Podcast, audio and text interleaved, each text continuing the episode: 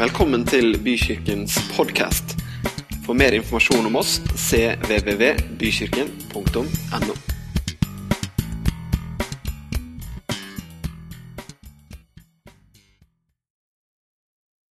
Jo, vi snakker om en fellesskapskirke.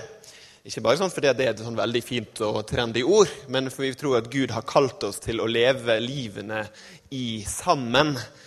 Vi har snakket om eh, det individualistiske samfunnet. Vi har snakket om eh, eh, det å engasjere seg og ta del i det. Vi har snakket om dette her med å være inviterende. Og Det skal vi fortsette å snakke om i dag. En invitasjonskultur ut av komfortsonen, inn i komfortsonen. Tok dere den? Tok dere den? Det er bra. For Av og til må vi ut av komfortsonen for å komme inn i komfortsonen. Så det, det, blir veldig spennende. Jeg gleder meg veldig til å høre, høre dette her i dag. Det blir veldig fint. Um, det er naturlig for en kirke å vokse. Det er naturlig for en kirke å bære frukt. Og Jesus bruker ganske mye tid på dette her med å bære frukt, med forvalterskap, med, på alle ulike nivåer i livet. På et personlig nivå, på kirkenivå og på alle mulige ulike plan i livet. Alt fra økonomi til, til vennskap, til tid og til de tingene vi setter oss i fore, osv. Så, så, så det naturlige i et fellesskap med Jesus Kristus, det er vekst. Det er å vokse. ikke det fint? fint å kunne vokse seg framover, at noe skal se bedre ut. Så vi snakker jo nå om ting i kirken vår som vi tenker at dette kan bli enda bedre. Sant? Vi tror jo at ting kan bli enda bedre. Det er fint å komme hit på søndag, det er fint å være en del av Bykirken. Jeg elsker å være en del av Bykirken, bruker masse av min tid og energi her. Men så tror jeg at vi kan se en framtid som er enda bedre. ikke det spennende? Når vi søker Gud og kommer nærmere Han, så kan vi med det fellesskapet i meg, det som du har forstått, det som jeg har forstått av hvem Gud er, og med hans inspirasjon, så kan vi få lov til å vokse i nåde og i kjennskap til Han.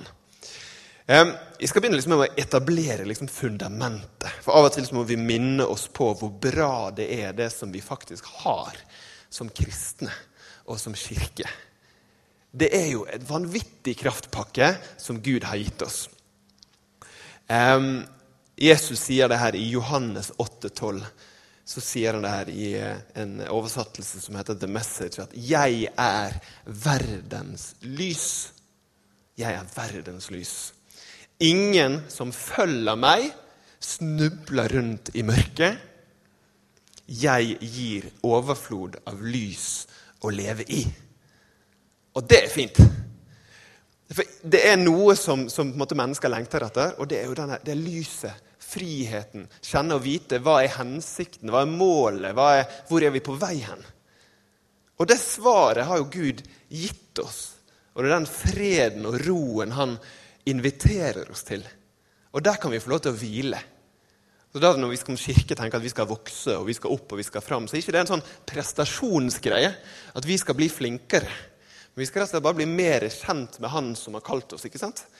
Og Da får vi lys over livet. Da får vi lys over neste steg, hva som ligger foran oss. Og det er den stien vi skal gå på, som Han har kalt oss til. Det er veldig veldig spennende. Jesus han starta sin tjeneste med å si 'Kom, følg meg'. Det sier han til noen helt utvalgte, tolv stykker, disiplene hans. Men han sier det også til flere og flere mennesker gjennom sin tjeneste. Så sier han 'Kom, følg meg'. Og Det må ikke misforstå med en sånn Instagram eh, følge, har noen følgere på Instagram eller sånn Facebook-vennskap. Hvor vi på en måte er innom og ser hvordan, hva skjer. liksom. Jeg har jo noen som jeg da gikk på barneskolen sammen med. Jeg har ikke snakket med dem på de 20 årene siden vi forlot hverandre. Men, men jeg vet jo hva slags barn de har. og eh, hva slags liv de har, og hva slags jobb de har. og Jeg vet en del om dem. Men det er jo ikke et vennskap. Det er jo ikke en relasjon. Og Det er det Jesus inviterer disse disiplene til. Det er å dele et liv sammen. Han viser dem hvordan Han viser dem Gud gjennom sitt liv, sitt eksempel og sin forkynnelse. Han inviterer dem inn. Um, han spiste sammen med dem, han drakk sammen med dem, han reiste sammen med disiplene sine og gjorde alt det som vi gjør fra dag til dag Det var ikke bare liksom miraklene og eh, store gudstjenester, og sånne ting, men det var et liv levd over måltidene, rundt bålet, eh, i, i transportetappene. Der var Jesus med og sa 'følg meg' hver eneste dag. I Lukas 19 så står det en historie som er jo, eh, i hvert fall hvis du har på en måte vært bevandret i en kirke Ikke sikkert alle er vant til det, men en historie om en mann som heter Sakkeus. Og eh, Det står som følger. Jeg skal lese det for dere. Han kom inn i Jeriko og dro gjennom byen. Det var Jesus, altså.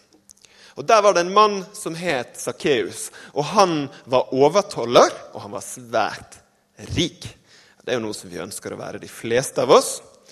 Han ville gjerne se hvem Jesus var.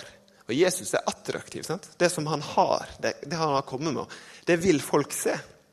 Så Sakkeus også, som folk flest der nede, ville komme og se hva var dette her for noe. Hva er det alle snakker om?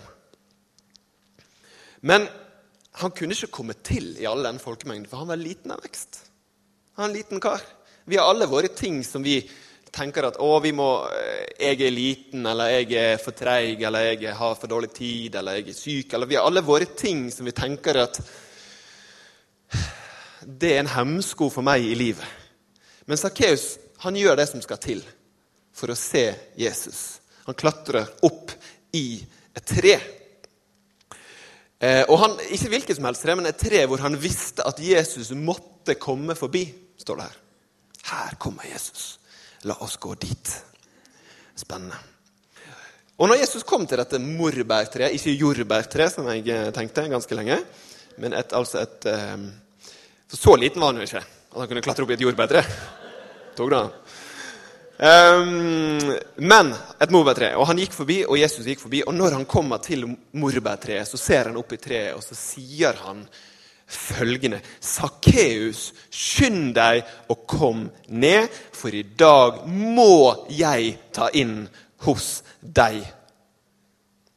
Det er det som skjer vet du, sant? når vi søker Jesus. Så sier han 'Jeg må ta inn hos deg'. Jesus er inntrengende på å bli en del av våre liv. Og så skjer vet du, det hele spennende som, som skjer. Han skyndte seg ned og tok imot ham med glede. Men alle som så det her, de murret og sa han har tatt inn hos en syndig mann. Ikke bra. Men Sakkeus sto fram og sa til Herren.: Herre, halvparten av alt jeg eier, det gir jeg til de fattige. Og har jeg presset penger av noen, så skal de få firedobbelt igjen. Da sa Jesus til ham, I dag er frelse kommet til dette huset, for også han er en Abrahams sønn. Abrahams sønn det blir jo det at du er en del av Guds fellesskap, av Guds ett.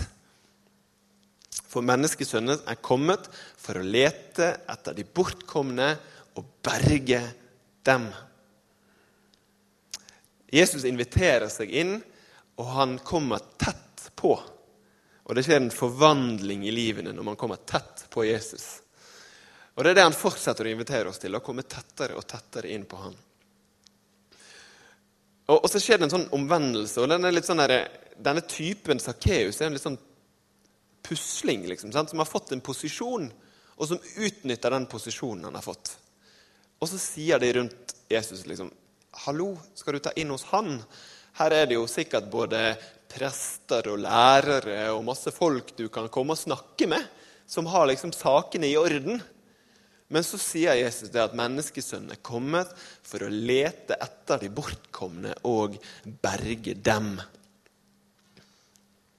I Lukas kapittel 5, altså litt tidligere enn det her Du må tåle litt Guds ord i dag. Det håper jeg du gjør.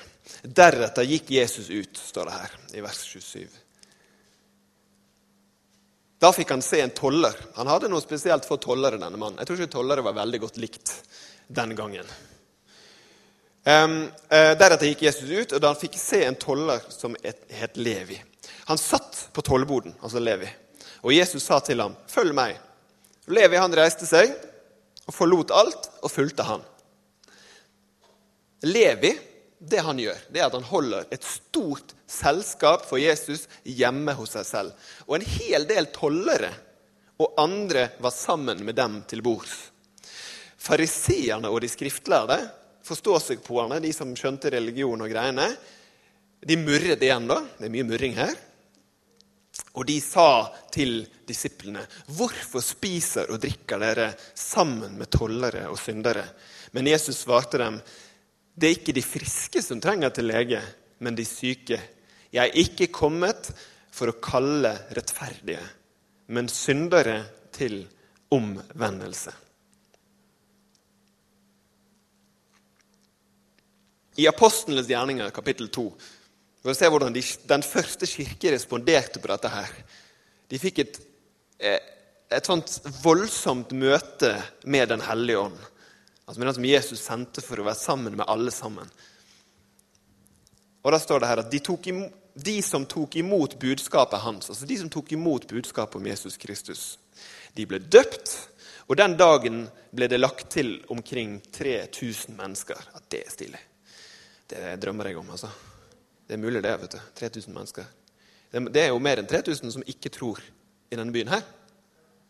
Det er jo bare 10% av Tønsberg kommunes befolkning. Så det er jo ingenting. Det er stilig. Må, må løfte sånn.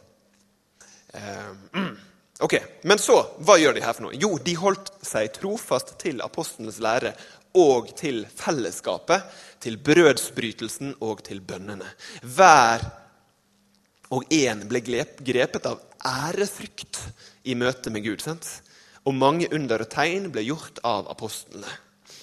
Alle de troende holdt sammen og hadde alt felles. De solgte eiendommene sine og det de ellers eide, og delte ut til alle etter, ettersom hver enkelt trengte det. Og hver dag holdt de sammen. Trofast sammen. På tempelplassen og i hjemmene. De brøt brødet, og de spiste sammen med oppriktig og hjertelig glede. De sang og de lovpriste Gud, og de var godt likt av hele folket og hver dag la Herren til nye som lot seg frelse. Altså, De inviterer hverandre inn i hjemmene sine, inn i livene sine. Disse her går jo liksom veldig langt utenpå hva vi i hele tatt kan drømme om i et sånt uh, sosialdemokratisk Norge. De selger tingene sine, og de, de, gir det til de fattige. og De strekker det veldig langt. Sant? Men det, det er sånn radikalt møte som denne første kristne menigheten opplever. sant? Hvor man bare må gjøre noe. Vi er nødt til å gjøre noe. Og vi må være sammen og vi må invitere mennesker inn til dette fellesskapet. For Gud, han helliggjør oss. Vet du hva hellig betyr? Det betyr at vi er adskilt. Men du ser, den adskillelsen handler ikke om å ikke være sammen med verden og ikke være deltakende i samfunnslivet. Tempelplassen var jo den dagen altså torget, altså der som folk møttes. Det møtestedet hvor folk var. Og det er jo det som er spennende her. At selv om man blir hellig på innsiden, så blir man faktisk i enda større grad likt av folket. Man blir en del av verden rundt seg, og man kan invitere inn i dette livet som Gud har kalt oss til. Et fellesskap som tåler tollere, et fellesskap som tåler syndere. Et fellesskap som tåler mennesker som er møkkete under neglene. Har du hatt følelsen av å være møkkete under neglene før? Det fikk jeg ikke i går. Holdt på å si for første gang. Der. Jeg var på Fyllingen eh, og eh, hadde mye trøbbel før jeg kom dit, men jeg kom meg dit til slutt da, med en henger. Der hadde jeg diverse søppel, så jeg var og plasserte de sine eh, de riktige beholdere som de har ute på fyllingen. Ut på Nøtterøy. Og så kommer jeg da til hageavfallet, som jeg også har ganske mye av. Gress som jeg hadde oppi der. Eh, litt avfall fra da, en kanin som vi har, som heter Saturn. Ehm, for ungene våre er litt opptatt av eh, verdensrommet. De har store perspektiver. Og, og ja, masse forskjellig da, som var der. Sånn gamle planterester og forskjellig. Og Da er det normalt at man for har med sin spade og hansker. Men ingenting av det hadde jo jeg med meg. Så jeg står der da i det regnværet, og det har jo stått lenge i denne hengeren. Og, og regnet og regnet og regnet. og regnet, sant? Du tenkte Alle de ingrediensene som var oppi der. Jeg ser på klokken, jeg har ikke tid til å reise hjem igjen og hente noe av dette utstyret. Og Da er det bare én ting å gjøre. Skal man bli kvitt dette greiene her, det er å bli møkkete på hendene. Du tar liksom, får den følelsen når du liksom tar i de greiene her. Det er sånn bare sånn, sånn, denne, altså denne følelsen sant, som du får når du tar i noe som er møkkete, og noe som er fælt. Og Så fikk jeg unna det her, og så var det utrolig deilig å bli kvitt disse tingene her. Men hva vil jeg med dette her? Jo, hva vil jeg med dette her? Det, det er rett og slett det at jeg blir møkkete, og det som jeg tar i noe som er rundt meg, gjør jo ikke at livet mitt på innsiden blir preget av det. Det er jo bare noe som jeg, jeg gjør fordi livet er sånn, og fordi verden rundt oss er sånn, og menneskene vi er i berøring med, er, har feil, og jeg selv har feil. Glemmer til og med det riktige utstyret når man skal ut ikke sant? og få orden på greiene og få det vekk. Så må man bli møkkete på, på hendene, men allikevel så er innsiden min fortsatt renset, og jeg er hellig, og jeg er adskilt. Fortsatt møkkete på hendene. Nei, Jeg tror jeg har fått vekk det meste. Ordentlig guffent. I, Frank eh, eh, snakket om det her i begynnelsen her, at en av folkesykdommene nummer én i Norges land det er ensomhet. Vi har en av de høyeste selvmordsratene i verden. Norge, verdens lykkeligste, rikeste, flotteste land. Dette er jo landet nummer én for sammenligning. Det er ingen som har så mange stor prosentandel på Facebook og Instagram og Twitter. Og vi ser på hverandre og vi sammenligner oss med hverandre og vi viser liksom hvor fint vi har det. Og så har jo ikke jeg det sånn. Så sitter jeg hjemme og som Dove snakket om i går også, at det er utrolig mange som bare ikke får invitasjonene til å dele liv til en kopp kaffe eller til et fellesskap. Og der har vi som kirke et kall. Enkelt og greit. Og det er rett og slett det vi skal gjøre. sant? Å invitere mennesker inn i livene våre. Hverandre som er her. Sikkert folk som kommer i bykirken som har gått her, og som er ensomme. Og, og sånn skal vi ikke ha det. sant? Og Sånn skal vi ikke ha det blant de naboene våre de som er rundt oss. Vi vil invitere dem inn i livene våre, inn i menneskene. Og Nå kommer jeg til det poenget som jeg hadde i sted, at da må vi litt sånn ut av komfortsonen. Kaffen er jo en komfortsone for mange, da. Jeg er i hvert fall glad i kaffe og drikker kaffe, og da har vi noe sammen. Men, men, men det å invitere det er et stort steg for mange av oss nordmenn. For vi opplever en avstand mellom oss, og den avstanden den er fin å ha. Vi skal ha liksom respekt for hverandre kanskje tre over hekken til naboen eh, osv. osv. Vi skal ikke spørre hvordan vi egentlig har det, men vi skal, vi skal være høflige og dannede mennesker. Eh, jeg har jo en svakhet i livet, og det er at jeg har gått på BI. Og Der får man tyngden man trenger. står det i reklamen. Så nå skal jeg snakke om noen ting som jeg til snakker om på jobben.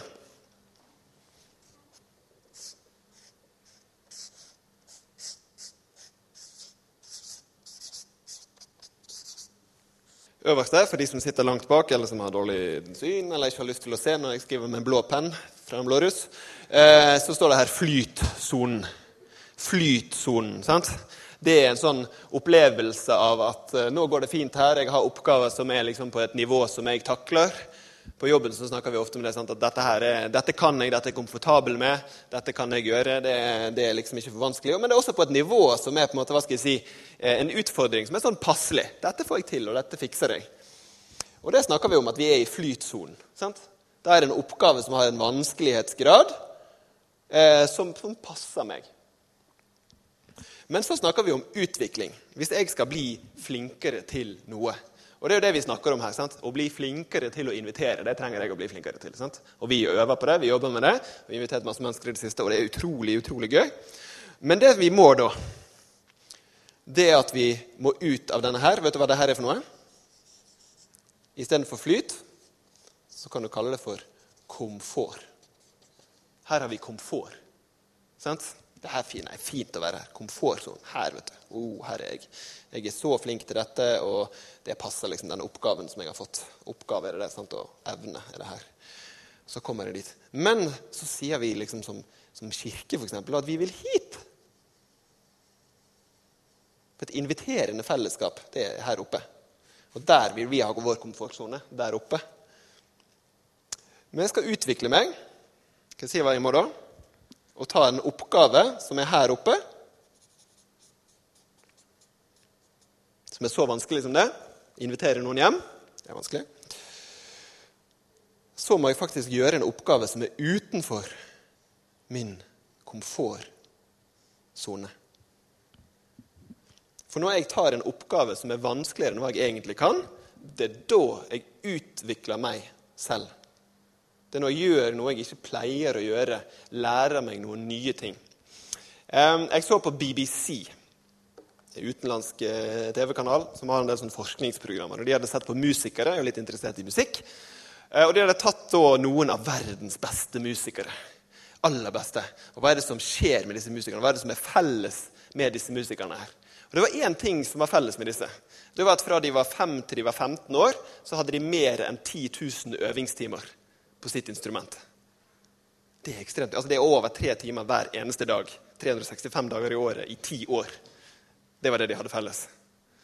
Og det man gjør da, sant, det er at man tar på seg øvelser som er over sitt eget nivå, sant, for å komme på et høyere nivå. Vi ønsker å utvikle oss, vi ønsker å vokse, og da må jeg liksom ut av min komfortsone. Vet du hva som skjer her, da? Når jeg lærer meg et nytt instrument, gjør noe nytt, så som skjer inni hjernen Så skjer det? Den eksploderer. Han bruker alle veier. Hvordan i all verden skal vi løse denne problemstillingen som jeg står foran meg nå? Åssen skal jeg snakke med mennesker som ikke kjenner seg veldig godt? Og så blir du utrolig sliten. Utrolig krevende. sant? Spille et instrument du ikke kan, eller invitere og prate med noen du ikke pleier å prate med, osv. Det skjer noe inni, inni, inni, i hodet ditt. For det, det de gjorde på denne BBC-dokumentaren, det var at de tok eh, en fiolinist som spilte fiolin, og så målte de hjerneaktiviteten. Det var veldig lite hjerneaktivitet de spilte. Så musikere har lite hjerneaktivitet. Nei da.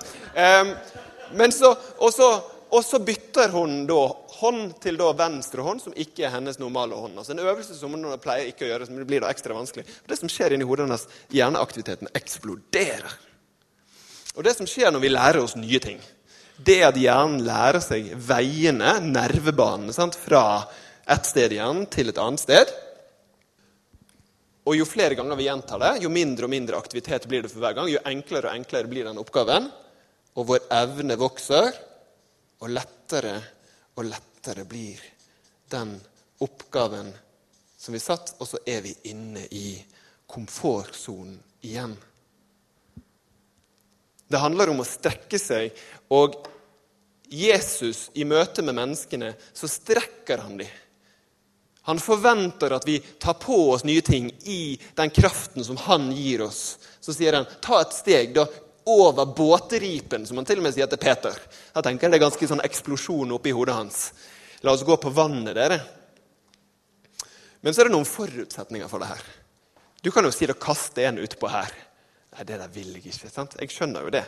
Når du får en eller oppgave som du absolutt ikke vil ha. Det er det verste som fins i hele mitt liv. Men Jesus snakker om noen ting, eh, og Bibelen beskriver en del ting som er, som er veldig spennende. Og Det ene er ankerfeste at Jesus er vårt ankerfeste. Når du har et ankerfeste Har du vært på sjøen når det har blåst litt? Men du har ankerfeste, ordentlig godt ankerfeste, da, da er det liksom ro allikevel. Da vet du at dette her ordner seg, dette går bra. Jesus bruker også med bildet av hjørnesteinen i huset. sant? Hvis vi bygger på hjørnesteinen på et solid fundament, så har man en trygghet. Når man har trygghet, så kan man vokse. Jeg skjønner at dette blir vanskelig for folk å se på, så jeg skal ta vekk den. siden det var sånn grafer og sånn. Um, men altså, vi, vi, vi ønsker også å komme oss litt sånn ut av komfortsonen, invitere mennesker inn. Invitere mennesker til fellesskapet her i kirken, hjemme hos deg. Og vi drømmer om det. Vi drømmer om en inkluderende kirke, og det er vi allerede. Og vi kjenner mennesker som kommer inn hit og sier at det er godt å komme hit. Så, så, du har det i deg. Vi har det i oss. Og her kan vi strekke oss lenger. Strekke oss ut etter mennesker som vi ønsker å invitere inn i livene våre og inn i kirken vår. Det er det vi drømmer om. Et fellesskap hvor alle deltar. Ikke som i et sånn oppgavebasert fellesskap, men som et hjem hvor vi må få greiene i orden. Vi hørte jo Bent Ove snakket her om at hjemme hos de så tar Julia oppgaven. Det er henne, eh, nei, oppvasken. Det er kallet hennes. Han skal få høre den ganske lenge. Men det er en del oppgaver i livet som Bent Ove også snakket om her, som er kjedelige. Når jeg skal invitere folk hjem, så får jeg oppvask etterpå. Og så er det noen oppgaver som må gjøres, eh, osv. osv. Men jeg gjør det. Sant? I et fellesskap og et hjem så gjør jeg det som skal til. Ikke det som jeg alltid kjenner som brennende lyst til eller voldsomt kall til. Men altså det som skal til for å få denne hjulene til å gå rundt. Jeg går på jobb jeg, for å tjene penger til at vi har mat på bordet og får, eh, får orden på, på livene våre. ikke sant? Vi gjør de tingene som vi ikke alltid kjenner en voldsom lyst til, for at vi ønsker at fellesskapet skal vokse. Og I et fellesskap så kan vi også bidra i alle livets sesonger. For det handler ikke alltid om å eh, gjøre en oppgave som sagt, eller være perfekt, men det handler om rett og slett by på seg selv. Og Vi har alle liksom, sesonger i livet som er av ulik art. Av og til så eh, kan det være du har mistet jobben, eller du har eh, du har fått en sykdom, eller du har eh, gjort en eller annen greie som, har, eh, som påvirker livet ditt. At du er i sorg, eller hva som helst. Og da kan du også by på det, og ta det med inn i fellesskapet istedenfor å rømme fra fellesskapet. Sånn at vi kan være her og vokse som et fellesskap og bære hverandre gjennom. Og det er et fellesskap som er interessant å være en del av. Og Dette er et fellesskap som Gud bygger, og Gud bygger det når vi i tro til Han møtes, kommer sammen og løfter vårt blikk og ser på Han som er vår opphavsmann. Opphavsmann, det flott.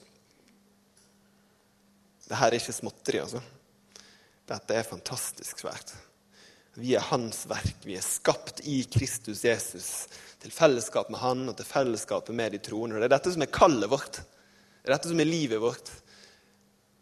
Jesus sier til Peter at 'på deg vil jeg bygge min kirke'. På han som på en måte svikter, han som lyver for Jesus, han som gjør alt det, de historiene ville og gale. På deg så vil jeg bygge min kirke. Altså på mennesker som har feil og mangler, som deg og meg. Som har eh, livet, eh, møter livet hver eneste dag med alt det som det er. Sant? Så vil Gud bygge kirken på deg. Ikke på de som får det til, for det er det veldig, veldig få av oss som egentlig, egentlig gjør. For vi er mennesker som feiler. Jeg har lyst til å utfordre oss alle til å invitere noen hjem i stuen sin. Vi snakket også om det i går kveld, eh, hvor vi hadde kulturkvelder. Eh, og vi skal snakke mye om dette framover, om å invitere inn i livet sitt, inn i, inn i stuen sin, ut på en kafé, altså hvor det er, det er ikke så viktig, men at det er et fellesskap hvor vi møter mennesker. ikke sant? Hvor vi ser hverandre inn i øynene og på en måte ofrer noen av de andre oppgavene for å faktisk møte hverandre. Så blir vi beriket i møte med menneskene rundt oss. Eh, og jeg tror at det som jeg begynte med, du, hva vi har fått i Jesus, det lys, lyset som han har gitt oss, det er så attraktivt. vet du. Av og til så ser vi litt sånn dårlig på det vi har, og vi er litt sånn forsiktige for at det, hva tror folk om det? Og tenker kollegaene mine om det? liksom. Det eneste de egentlig vet kanskje om deg, er at du er pinsevenn. Og litt sånn anstrengt forhold til homofile. og Egentlig ikke noe særlig i det hele tatt. Sånn så er det sånn ytterskorpe som folk kjenner til med livene våre. Men Hvis vi deler ekte liv, ekte historier om hvem Jesus er i livene våre, så er det noe som i hvert fall jeg tenker at Når jeg har valgt å bygge livet mitt på det, så er det kanskje noen andre også som er troende til å gjøre det. Kanskje noen andre som er troende til å synes at dette her er spennende og dette her er interessant. Så jeg, jeg vil utfordre oss alle til å bestemme oss litt. Eh, etter denne formiddagen her så vil jeg at du skal ha bestemt deg for kanskje noen du har lyst til å invitere. Om vi være så konkrete her. Litt sånn utfordring. Kan jeg i løpet av de neste par ukene invitere noen ut på en kopp kaffe eller hjem i stuen min eller til en ekstra samtale. eller hva Det skal. Det trenger ikke være noe sånn voldsomt dypt, altså, ikke det jeg sier, men, men, men gå litt ut av komfortsonen sin, min egen komfortsone, eh, for å komme inn i en komfortsone som handler om å møte nye mennesker, treffe nye mennesker, være en del av en inviterende kultur. Kanskje det er noen i kirken som du har lyst til å invitere. Kanskje det er noen av vennene på jobben du har lyst til å invitere. Kanskje det er en i familien din du har lyst til å invitere som det lenge siden du har sett. Men det å åpne livet sitt opp og, og lede samtalen, som Dove snakket om også i går Å lede samtalen når jeg inviterer inn i mitt hus, så kan jeg få lov til å lede samtalen. Der er det jeg som bestemmer agendaen og hva som skal snakkes om. Og da kan vi si det at uh, jeg vil bjuda på meg sjøl.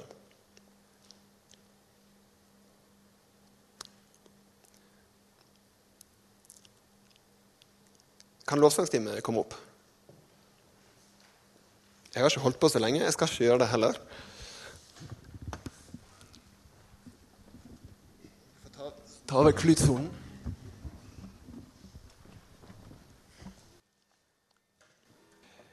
Um, og så har jeg lyst til eh, aller først, da, når vi samles, så så er det kanskje noen her som lurer på det her voldsomme engasjementet rundt et eller annet fellesskap og en eller annen Jesus og alt det greiene her. Så hvis du er her og ikke, ikke kjenner Jesus, eller ikke på en måte har sagt ja til det her budskapet, så det er det han inviterer oss inn til. Og Gud som skjønte det at vi mennesker, vi fikser det ikke sjøl. Så han sendte sin sønn for å fikse det. For å møte oss og for å løfte oss opp til han.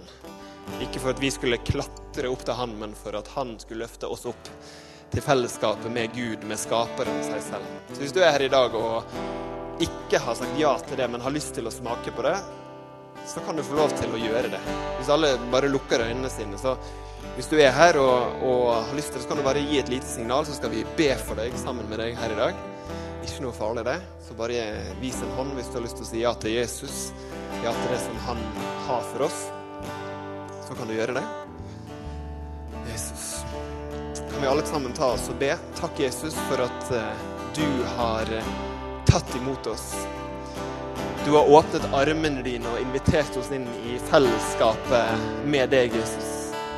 Vi er så takknemlige for hva du har gitt oss, hva du har gjort for oss, og hvem du er. Og vi har lyst til å bare si ja til deg, Jesus. Ja til kallet som du har gitt oss. Ja til å være en del av eh, det himmelske fellesskapet sammen med deg, Jesus. Takk, Herre, for at du er til stede, for at du er nær, at du berører oss, at du er overnaturlig. Du er ikke bare en som eh, inviterer til en, en religion og noe som er meningsfullt å holde på, men du inviterer til, til liv, til mening, til fred, til evighet foran oss med fellesskap med vår skaper. Takk, Jesus, for at det ikke begynner når vi dør og kommer til himmelen, men det begynner akkurat her og akkurat nå hvor vi kan få lov til å være sammen med deg, Jesus. Jeg har lyst til å be for hver enkelt som er her inne denne formiddagen, at du løfter oss opp, Herre. At du gir oss en fred, Herre, uansett omstendighet, uansett hva som skjer i våre liv, så kan vi komme til deg og finne fred, Herre. Du har sagt at i dødsrikets dal så kan vi slippe å frykte. Du har sagt at i, når ting er urolig, så lar du oss få lov til å ligge i grønne enger. Du har altså gitt oss så fantastisk mye godt, Herre. Jeg har så lyst til at du skal hjelpe oss ut av vår komfortsone, ut av der hvor vi har det så trygt og så fint, og ut i et liv hvor vi kan invitere mennesker inn her. Hvor vi forstår hva vi har på innsiden, at det er større og sterkere enn det som står imot oss i denne verden. Men at det er noe som vi har å by på. For det er Gud selv som har tatt bolig i oss, og du har lovet å være med. Du har lovet at som dagen er, som skal vår styrke være. Jesus.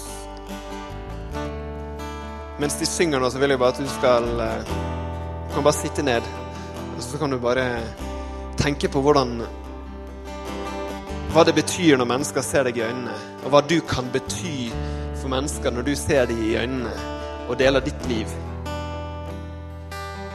At du ikke bare lengter etter at andre skal gjøre det mot deg, men at du også skal gjøre det mot andre. For Jesus har sagt at det viktigste vi kan gjøre, sant, det er å elske Gud, og så er det å gjøre mot andre sånn som du vil at de skal gjøre mot deg. Og alle ønsker vi å bli sett. Alle lengter vi etter å bli vist oppmerksomhet. Jeg har lyst til at vi skal bare bruke litt tid på å la det synke inn, det som Jesus kaller oss til. Jeg tror spesielt som kirke og den tiden vi, vi er foran oss, så kaller han oss til å dele livene våre, til å se mennesker og løfte hverandre opp. Så bare mens de synger denne herlige sangen, så bare bruker vi litt tid på å søke Gud om det.